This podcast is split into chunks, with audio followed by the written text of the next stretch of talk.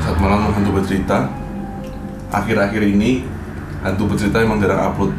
Di sela-sela jarang upload itu Mimin hantu bercerita eh, Cukup merasa resah lah setelah melihat Banyak di TV, Youtube Yang Apa ya Membawa tema tentang indigo. Nah, kebetulan Mimin ada temen nih. Bisa dibilang dia eh, anak indigo lah. Anak anak nila anak nila, anak nila. Ikan anak nila. Di sini ada Mas Devas salah satu teman Mimin. Bisa dibilang dia adalah anak indigo. Dari kecil ya? Dari kecil dari kecil. Bisa diceritakan Mas Devas tuh bisa indigo dari umur berapa sih sebenarnya kalau gua baru ngerti nih ngerti soal yang melihat gituan tuh itu kisaran kelas ya mau kelas 1 SMP lah 6 SD 6 SD 1 SMP gitu berarti itu sekitar berapa ya? 12 Lama tahun, ya. 12 tahun lah 12 tahun. itu sadarnya gitu karena waktu kecil kalau misalnya gua tanyain keluarga gua gitu lah itu kadang gue suka ya gue main biasa gitu main biasa tapi ya orang ngelihatnya mungkin gue main sendiri gitu. Tapi udah udah apa ya udah ketemu dengan hantu sangat hantu dari kecil? Dulu waktu umur segitu maksudnya kayak waktu zaman TK atau SD kelas 1 kelas 2 gitu. Belum tahu yang namanya hantu tuh gitu. Maksudnya ya di nonton film horor mungkin pernah dan nggak pernah apa ya berani. Gue jujur dulu takut banget bahkan waktu kecil itu sama manekin aja gue bisa nangis gitu ngelihat manekin itu patung-patung yang di toko baju. Karena ya apa ya kalau ngelihat sesuatu yang nyeramin waktu kecil ya pasti pasti takut gitu. Tapi ya seingat gue waktu gue kecil itu gue main sama anak-anak yang eh, ya kalau sekarang mungkin gue berpikir anjing gitu kan. Kalau dulu kan ya main sama anak-anak seumuran gitu di di rumah gitu. Sama anak kecil Eh, ya.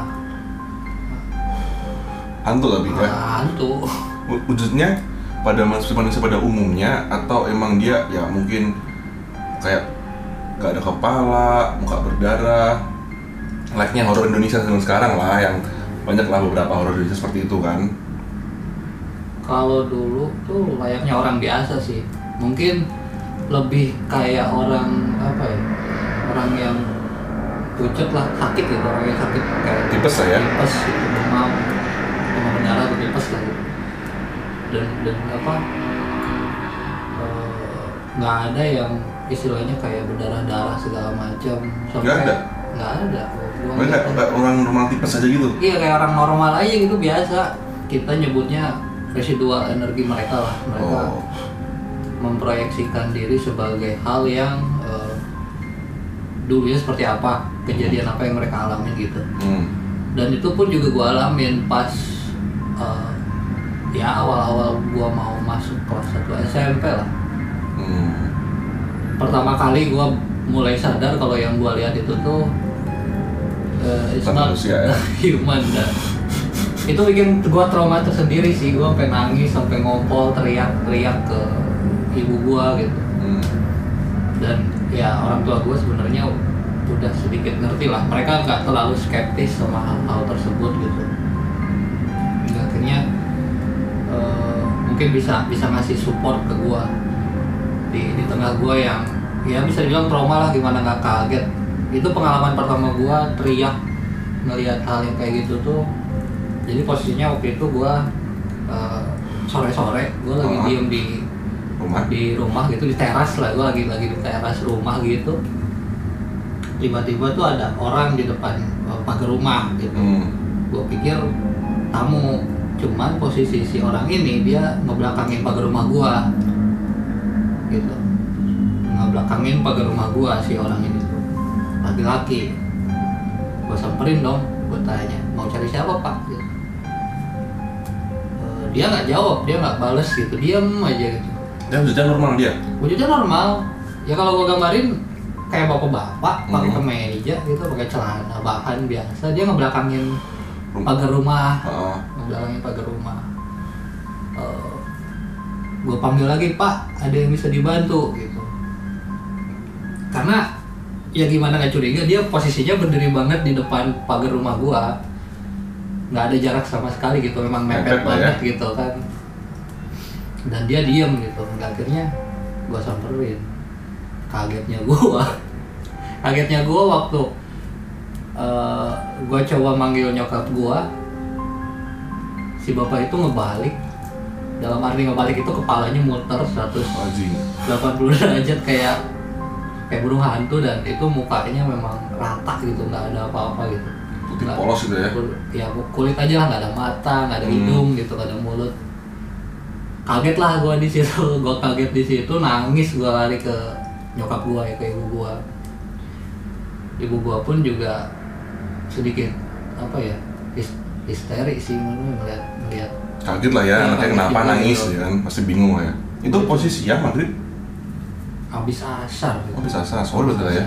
habis asar dan posisinya gue lagi memang ya gue biasanya sore diem di teras sih sambil apa pada gue hobi ngegambar sambil ngegambar sambil main-mainan waktu itu nah setelah kejadian itu baru gue sering ngalamin hal ngeliat eh, bentuk-bentuk yang seperti yang orang gambarkan zaman-zaman sekarang ya mungkin kayak pocong kuntilanak gitu Hmm. Berarti bisa dibilang Mas Dewas ini anak indigo ya? Atau sendi- bukan? saya sendiri sih nggak pernah mengklaim kalau saya ini anak indigo gitu Kan banyak tuh di TV-TV sekarang tuh yang bisa ngeklaim Gua nih indigo nih, gua bisa ngeliat hantu nih Saya bisa komunikasi dengan hantu nih ya Seperti itu kan soalnya kan Wah, ya gimana ya? Ya memang eh, apa itu sebenarnya hak hak masing-masing orang sih. Mau mau bilang kalau iya gua anak indigo atau Kan, atau gua anak bisa cinta. Hantu lah ya. Ya atau apalah gitu. Waktu itu pun juga gue kenal istilah indigo pun itu di eh, dikasih tahu sama temen nyokap gue temen Hmm. ibu gue jadi kayak ibu gue itu cerita gitu sama temennya terus dia bilang seperti itu gitu. Kalau oh berarti anak ya berarti si ade ini dia anak indigo gitu. Nyokap gue pun juga kan masih awam sama hal tersebut dan gue yang masih yang eh, belum ngerti dan apa ya dibilang bodoh amat ya bodoh amat gitu. Gue nggak cari tahu. Gue mulai cari tahu soal Indigo. Indigo itu ketika ya istilahnya gue udah bisa mainan internet gitu. SMP akhir mau SMA gue mulai cari-cari tahu apa sih anak indigo tuh. Seperti apa sih anak indigo tuh gitu. Karena dilihat dari ya gue aja belum tahu aura gue kayak gimana. Kalau menurut yang gue baca atau keterangan dari teman gue biasa aja tuh kenapa disebut anak indigo atau anak nila itu karena memang dari auranya itu tuh ada ada warna indigonya gitu ada warna nilanya gitu Berarti semua anak indigo warnanya sama? dibilang sama nggak sama juga cuman ada ada unsur warna itunya warna nilainya dan kalau dikaji lebih lebih dalam soal aura itu kan bersifat ke karakteristik orang Hmm. Anak-anak eh, yang memiliki warna aura indigo ini dia punya sesuatu hal yang mungkin nggak orang banyak ya maksudnya nggak orang awam Punya. punya gitu. Hmm. bisa dari sisi inteleknya bisa dari sisi empatinya bisa dari sisi humanisnya juga gitu. Soal inter interdimensional atau bisa melihat hal-hal yang di luar itu eh, gua sendiri pun juga masih belum apa ya masih bisa masih belum bisa ngasih apa ya ngasih kayak statement lah Hmm. karena ya apa ya karena di satu sisi gua takut salah juga dan di satu sisi pun juga banyak orang yang nggak indigo kasarnya Hmm. tapi mereka juga dapat gift untuk bisa merasakan dan hal-hal apa melihat dan hal-hal apa melihat hal-hal yang kayak seperti itu gitu. Begitu. Soalnya kadang agak rancu ya indigo itu karena gini eh zaman kecil jujur istilah indigo itu belum ada ya kan karena kita kecil lah. Belum. Kebanyakan lah adalah emang ada istilahnya kita bisa ngeliat hal seperti itu. Hmm. entah itu mau dari uh, kejawen ataupun dari secara universal memang kita berkomunikasi dengan hantu. Ya. Nah kalau salah itu istilah indigo itu muncul itu di tahun 2067 Uh, rumah Mama Loren nggak salah kan ya? Yang yang dia Ya. dia menceritakan soal tentang anak indigo seperti apa. Nah, yes. Nah, untuk sekarang ini yang bikin rancu adalah nggak tahu nih banyak orang-orang yang bisa dilihat, yang bisa merasa uh, sedikit sensitif lah dengan hal-hal seperti ini tuh bilang, oh lu sensitif, berarti bisa ngerasain ada hantu. Wah indigo berarti lu. nah, ini nih banyak banyak yang bilang seperti itu gitu, karena kan apa ya, semua manusia kan punya kepekaan masing-masing. Ya.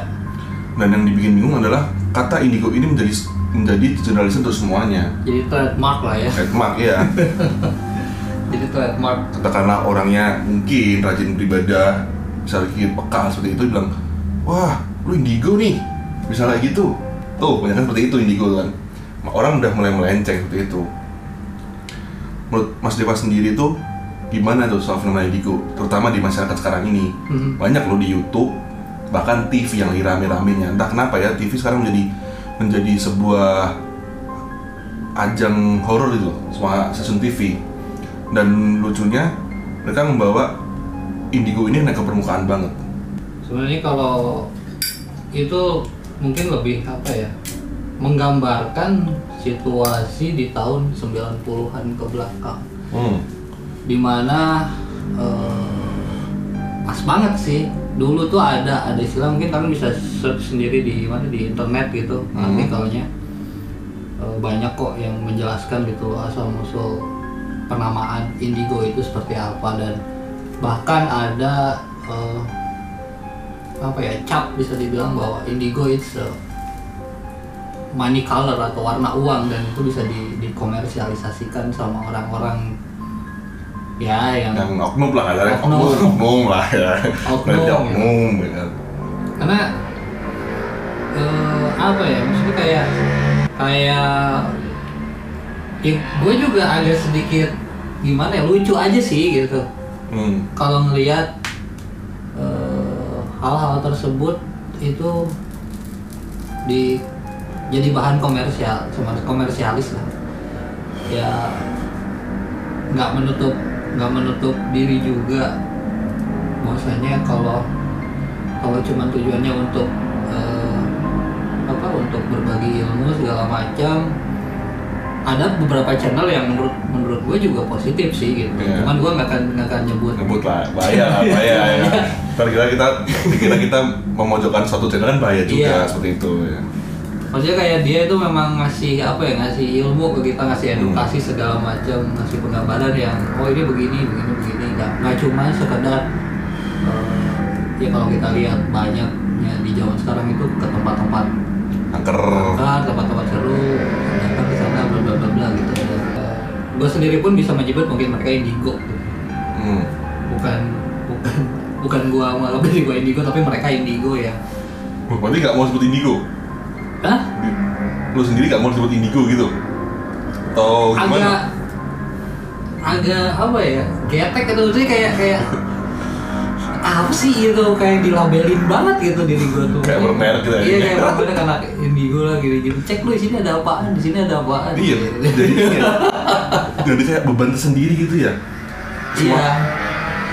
Karena gini loh kalau kalau kita kita keluarin dulu soal konsep indigonya gitu. Hmm. siapa pun itu dari dari latar belakang ilmu apa pun itu kalau misalnya dipaksa untuk ya kita tuh udah capek lah gitu untuk yang kayak tiap hari berhadapan sama sama hal tersebut gitu. Terus ada orang yang dengan dengan eh, polosnya. polos lah gitu. Dengan polosnya tuh bilang eh, misal nih gua ke gua gitu pas di sini ada apaan nih? Gitu. Coba liatin kasih tahu gini gini gini.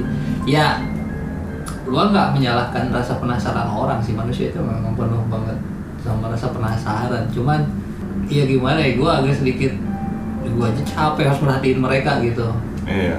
karena secara secara nggak langsung kalau gue menyamakan frekuensi dengan mereka itu tuh ya otomatis gue harus bisa ya kalau gue fit sih mungkin masih bisa di ini nih kalau misalnya gue capek habis kerja misalnya Hmm. kalau apalah lagi banyak pikiran ditambah usia gue yang sekarang gitu kan Oh iya. Rasanya kita udah tua gitu ya. Iya. Bang, itu yang aduh nggak usah lah ya kalaupun misalnya ini eh, balik lagi lah gue gue memang hobi ngegambar dan gue biasanya ngegambar apa yang gue lihat gitu ya Hmm. gue tinggal tunjukin aja gitu kalau misalnya ini ya ada yang kayak gini kayak gini kalau kita takut mereka jadi makin ini makin apa makin Main berani. makin berani gitu Itu kenapa tuh? jadi kayak ada apa ya kalau gua gambarin itu tuh ketika kita takut kita itu ngeluarin hormon ngeluarin energi segala macam dan itu Hmm. tuh bisa jadi kayak apa ya sumber resource buat mereka untuk jauh lebih kuat ya kalau misalnya di, di, dianalogikan sebagai makanan itu seperti makanan mereka gitu Berarti sama itu dong. Apa namanya? Dementor. Harry Potter kan makan ketakutan Dementornya. nah ya digambarkan kayak gitulah the more we fear itu the stronger they are Bener ya, karena gue cukup bingung lah karena indigo sekarang itu bukan tentang bukan tentang hal apa ya indigo pada umumnya gitu lebih kepada semua yang berhubungan dengan alam goib pas itu indigo gue nggak tahu ya maksudnya kenapa orang berpikir seperti itu. Itu yang gue pertanyakan di sini. Semua orang jadi salah persepsi soal indigo itu Jadi- bikin jadi gimmick gitu. Jadi keresahan tersendiri gitu loh. Ngeliat TV anjing anak indigo gitu. Tapi Di apa ya? itu indigo semua banyak gitu. Ya gue gak nyalahin soal soal itu ya meskipun gue tahu entertain lah mungkin. Cuman banyak hiburan. masyarakat menjadi salah persepsi soal indigo. Karena sisi lain gue ngerti lah apa yang dirasain waktu di indigo seperti apa. Hal yang nggak bisa dilihat kita secara manusia biasa pun mereka tuh mengalami trauma-trauma aneh gitu loh. Ya ya dan orang jadi gampang generalisir itu indigo padahal nggak tahu beban di balik itu seperti apa gitu loh. Eh, karena mungkin tabu juga di masyarakat gitu. Hingga Hmm. akhirnya kita pun menutup diri lah. Oh iya. Kita nggak terlalu yang show off segala macam malah eh, kalau lagi nongkrong sama orang gitu nongkrong sama orang kita coba untuk untuk bisa senormal mungkin. Karena gangguan itu tuh pasti ada gitu dan itu akan bakalan awkward banget kalau misalnya kita nggak bisa let's say jaga jaga jaga mimik kita jaga sifat kita gitu. Kalau yang belum siap atau apa. Dan orang bakal berpikiran lu kenapa sih? Lu aneh banget sih gitu. Dan itu Iya. yang eh, kita kita jaga dulu atau gua atau gua jaga lah dulu gitu. Takut dicap masyarakat aneh lah Ah. lebih tepatnya ya. ya masyarakat aneh eh, even though dibilang kafir lah. Kafir lah. Curhat gua. Dia dibilang berarti kafir. ada trauma tersendiri berarti dari zaman dulu ya. Iya kan di, diganggu jin lah segala macam ya memang diganggu jin kita gitu diliatin segala macam gitu Eh, kalau menurut gua soal indigo itu tuh ja- jauh lebih luas dan jauh lebih kompleks dari cuman sekedar oh gue bisa melihat hantu hmm. oh gue bisa tahu nih di sini ada ada ada arwah atau ada ada ada apalah it's more big than that gitu. dan bukan soal bisa melihat orang yang udah meninggal segala macam indigo itu lebih ke arah batin batin kita sih dan which is setiap orang punya tingkat eh, apa ya level untuk batinnya sendiri gitu Hmm.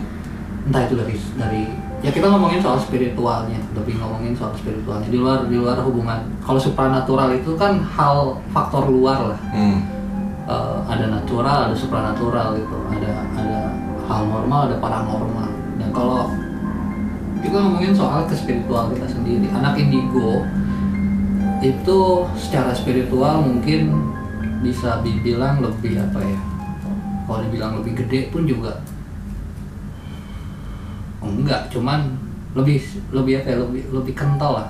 Kental eh, bukan lebih kental. Bukan lebih kental ya apa ya? Jadi ada hal yang eh, secara spiritual atau secara sifat itu tuh memang beda lah emang beda sama orang yang seumurannya lah gitu. Kalau Hmm. kalau kita ngomongin soal anak-anak indigo yang anak- namanya anak-anak gitu. Cuman kan dia tuh kadang suka beda sama anak seumurannya gitu. Entah dia mungkin lebih atraktif lebih lebih ya lebih interaktif lebih lebih penasaran lebih em- empatinya lebih gede segala macam untuk anak seusianya. Lebih ke hal itu sih. Soal ada yang di tipikal bisa dibilang atau bisa disebut sebagai tipe interdimensional itu tergantung dari apa ya intuisi atau enggak kesensitifan masing-masing orang. Bahkan dulu sempat jadi pro kontra dari yang gua baca tuh. Eh, bahwasannya indigo tuh hanya sekedar apa ya nggak ada nggak ada bedanya dari orang-orang biasa karena secara karakteristik dan lain-lain itu memang mendekati banget sama orang-orang biasa pada umumnya. Cuman dia dia diberi gift khusus lah kasarnya lah ya. Ya yang nggak semua orang mungkin bisa dapat gift itu gitu. Itu itu sih dan anak-anak indigo dengan dengan dengan apa ya dengan eh, internalnya seperti itu spiritualnya seperti itu dia jauh lebih apa ya mungkin lebih bijak kali untuk untuk oh eh, udahlah gue untuk keep low aja gitu. Hmm. jangan sampai bi- jadinya aneh-aneh orang gitu. At least selama itu nggak merugikan untuk dirinya sendiri apalagi untuk orang lain ya udah keep keep it low profile lah gitu. Gue juga tidak menyalahkan. Untuk zaman sekarang banyak-banyak yang show up. It's okay kalau untuk tujuannya edukasi eh, ngasih pemahaman lebih atau pengetahuan lebih sama orang-orang gitu cuman ya kadang gue sedikit disayangkan pun juga eh, sama yang berbau-bau apa ya. Eh, lebih, pada, gini ya. Sebenarnya kita nggak mempermasalahkan mereka ini untuk untuk kasarnya ya. Hmm. menjual skill yang mereka punya. Cuman yang disayangkan adalah edukasi mereka kepada masyarakat. Karena mereka tidak memberikan eh, edukasi yang benar itu sehingga membuat masyarakat tuh menjadi menjernalisir semua seperti itu kan Hmm. Oh, jadi dianggapnya oh kayak gini nih, gini nih, sama aja gitu kan? Atau uh dia hubungan serem-serem segala macam, jangan deketin sama gitu. Atau enggak, oh bisa jadi ladang ladang duit nih, gini gini gini. eksploitasi lah ya itu yang itu yang yang bahaya sih terus ini eh, apakah anak indigo itu emang sema- emang punya semacam kayak penunggu sendiri tersendiri gitu? Entah itu dia pun eh, penunggu dari kakeknya atau apanya gitu. Kalau dibilang penjaga,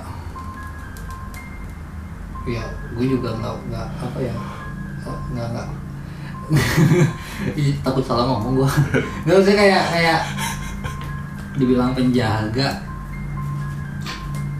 Ya setiap orang kan punya punya Penjaga masing-masing. penjaga masing-masing gitu. Cuman eh, kadang residual itu tuh memang ngelilingin anak-anak indigo even dari apa ya dari segi silsilah keluarganya yang Hmm. sebelum-sebelumnya. Kalau di Sunda dikenal ada kata karuhun gitu yang jagain Eh, ya kayak leluhur gitu segala macam atau enggak ya dari apa ya eh, energi-energi di sekitarnya dia yang hingga akhirnya jadi jadi jadi temen lah gitu kan. Iya. aku punya temen si Anu misalnya gitu. Eh, anak-anak ini gitu. Atau karena ini karena ada ya sepupu gue itu ada. Dia bisa dibilang itu indigo Mhm. karena pernah ketemu sama ya semacam orang yang bisa tuh bilang itu punya aura yang berbeda. Tapi dia tuh nggak punya penunggu. Hmm. penjaga lah dia nggak punya penjaga. Tapi dia tuh lebih peka secara perasaan lebih sensitif dan dia tuh emang bisa ngeliat hal-hal seperti itu gitu. Tapi dia komunikasi nggak bisa. Ada sih yang seperti itu. Maksudnya kayak kayak gue pun ketemu sama teman waktu kalau teman-teman gue nih teman-teman Hmm. gue yang dulu di komunitas itu bahkan ada yang beda-beda ada yang nggak bisa lihat tapi dia lebih apa ya dia, dia sekarang jadi interior design Oh. dia lebih kreatif lah gitu kreatifnya memang benar-benar wow gitu terus ada juga Tapi dia bisa lihat, nggak bisa. enggak Berarti dia cuma bisa kayak ngerasain sih kayak kayak kayak ngerasain aja ada sesuatu dan ditimpalin sama yang bisa lihat misalnya oh iya bener ada ini gitu berarti indigo itu bukan tentang suatu hal yang bisa melihat ya, secara pasti ya. Bukan kan? bukan Eh, cuman memang memang beda-beda sih nggak nggak sem nggak mes- semestinya orang melihat atau manusia bisa ngelihat hal Tuh, hal goib. itu, hal goib, Goib, terus ya. indigo, Indigo, gitu aduh. Terus nih, menurut Mas Dewas pribadi, Mhm. beberapa acara TV ada nih ya yang yang bilang eh gue anak indigo dan kita cek IG-nya pun bilang anak indigo gitu. Dan dia kayak apa ya semacam sebuah pride lah soal indigo ini nah kita nggak tahu nih ya dia beneran indigo atau bukan. Itu gimana tuh? Tanggapan gua gitu. Ah, kan pasti pernah nonton juga lah ya. Iya pernah dan dan masih marah-marah ya apa sih ini? Gitu. langsung ganti channel. Langsung ganti channel kan nonton berita aja gitu gua gua nganggapnya sih ya udahlah entertain entertaining aja. Untuk untuk untuk untuk Untuk hiburan semata. hiburan semata gitu. Kalaupun misalnya eh, dia benar ini kesannya gua tuh nggak nggak percaya gitu ya. Nggak maksudnya kayak ya it's okay lah. Kan menghibur orang pun juga sa- salah satu hal yang baik gitu. Iya. asal jangan ya gimana ya jangan membodohi lah ya mungkin ya. Iya, dapat duitnya dari situ cuy. Kasihan juga. Kita dong ini aja bilang ini yang goblok. Kadang gue suka ditanya misalnya di, di kantor nih di kantor. Atau enggak bukan di kantor lah maksudnya kayak di kantor teman-teman de- dekat gue tuh kan pasti tahu gitu. Circle gue tuh kan pasti tahu. Terus mereka nanya pas itu bener gak sih? Dia gini gini gini terus pakai media apalah barang gitu. Itu bener sih gini gini hmm, gue juga kalau ngejelasin takutnya nanti salah. Oh serba salah gitu. Karena emang emang ada ya sebagian orang yang bisa. Tuh media barang tuh bisa, Bisa. cuman nggak semua orang bisa. Butuh sampai ilmu lebih lah ya rasanya. Maksudnya benda-benda ya kalau benda-benda kayak keris gitu kan kita kan masih yang ini karena kan ter- terikat sama budaya. Hmm. benda-benda modern gitu model sebutinnya apa itu men? ya model Elmo lah gitu atau enggak Oh, Susan, Susan, iya iya ya. Susan, Susan, oke oke Susan. Anabel lah model model Anabel, Anabel, ya. Lagi rame, lagi lagi hype banget nih. itu kan teman-teman di kantor tuh nanya gitu dan gua mau ngejawab pun juga jadi serba salah dalam arti serba salah ya gua pasti nanya dulu lu suka nggak caranya kalau suka mah ya udah nikmatin aja gitu Iya benar. Nikmatin lah gimmick yang ada ya. bukan gua yang ngomong ya. Ya maksud, maksud gua tuh ya kayak ke gua aja jadi gua takut salah aja jadi serba salah gitu. Salah ucap lah ya gitu. mereka nanya kayak gitu wajar karena mereka tahu gua. Yang lebih mengerti mungkin soal kayak gitu-gitu walaupun ilmu gua ini masih masih cetek lah. Tapi gua pengen ngasih pemahaman yang maksudnya kalaupun gua ngejelasin ya mereka at least cuma oh gitu gitu nggak sampai Oh, ke- oke gitu lah ya. oh, oke nggak sampai yang kan terpengaruh kepo lah ya. karena kalau sampai terpengaruh segala macam kan itu berhubungan sama psikis ya Iya benar sih kisah bahaya itu. oh menikah serem Padahal dulu boleh kasih lu tau gak siapa aja? Hah? Caki paling serem dulu. Wah sumpah. oh Kata. bawa pisau gitu kan Iya, itu itu serem gitu ya. bisa kawin punya anak gitu Nah, serem itu pun paling serem dah itu. Maaf ya. Eh, ya ya bilang oh ini bentuknya serem ya ada isinya pasti gitu. Iya. ya ada Orang-orang isi- jadi mengeneralisir hal hal yang seram itu pasti ada isinya itu. Padahal ya balik lagi sugesti masing-masing ya sebenarnya kan. Ah, indigo. gua aja disebut Indigo, oh enggak. maksudnya kayak kayak gua dibilang gitu oh pas lu indigo berarti itu tuh Sedih ya. Terus seneng. enggak gua kaget aja gitu karena itu kan gua yang denger dari awal-awal karena gua dengar dari dari nyokap ngomong ke bokap gitu wah anak kita tuh berarti indigo gini gini gini gitu Hmm. Eh, kalau bokap sih eh bokap kalau nyokap sih lebih apa ya lebih lebih percaya tuh ada hubungan secara Luhur. leluhur genetik Ya, lah gitu benar. dari dari keluarganya beliau Nah, kalau gua secara langsung ngedenger oh pas berarti lu anak indigo itu SMA kan namanya ya SMA itu pun juga karena nggak sengaja jadi gua sekolah di yang rame lah gitu. Jadi kalau gua lihat secara eh, nggak kasat mata itu tuh kayak kayak kerajaan bukan kayak, kera- kayak kerajaan lah gitu sekolah gua tuh. Cuman gua yang kayak wih di sini ada ini di sini ada Kayak ini." kerajaan. Gua biasa aja sampai ada momen waktu itu lagi jurit malam terus eh gua nggak sengaja gua kira itu tuh ini anak yang ikutan ospek juga ternyata Nunggu situ. penunggu itu Oh. sampai akhirnya ya teman-teman gue teman teman dekat gue bilang kalau "Wah, lu ini gue gue agak yang hmm, oke karena ada teman gue yang punya paman pamannya memang Bisa. paranormal lah bisa dibilang. Atau enggak eh, bukan paranormal lah. Eh, yang orang spiritual lah gitu. Ya, Orang- spiritual, orang lebih. spiritualnya tinggi gitu. Terus dia sampai yang gue ditanya ke siapa eh, gue dibawa ke pamannya terus bilang "Eh, apakah gue ada pegangan atau apa? Ya memang enggak gitu. Maksudnya nggak ada nggak ada gua indikasi belajar diturunkan itu nggak ada. Murni gift lah ya. Entah itu dari luhur atau mana gitu lah ya. ya titipan lah semua. Gua juga- gua cuman ya, yang- gue coba apa ya cuman dia dibilang pasrah pasrah lah gitu. Gue bersyukur lah gitu. Maksudnya kayak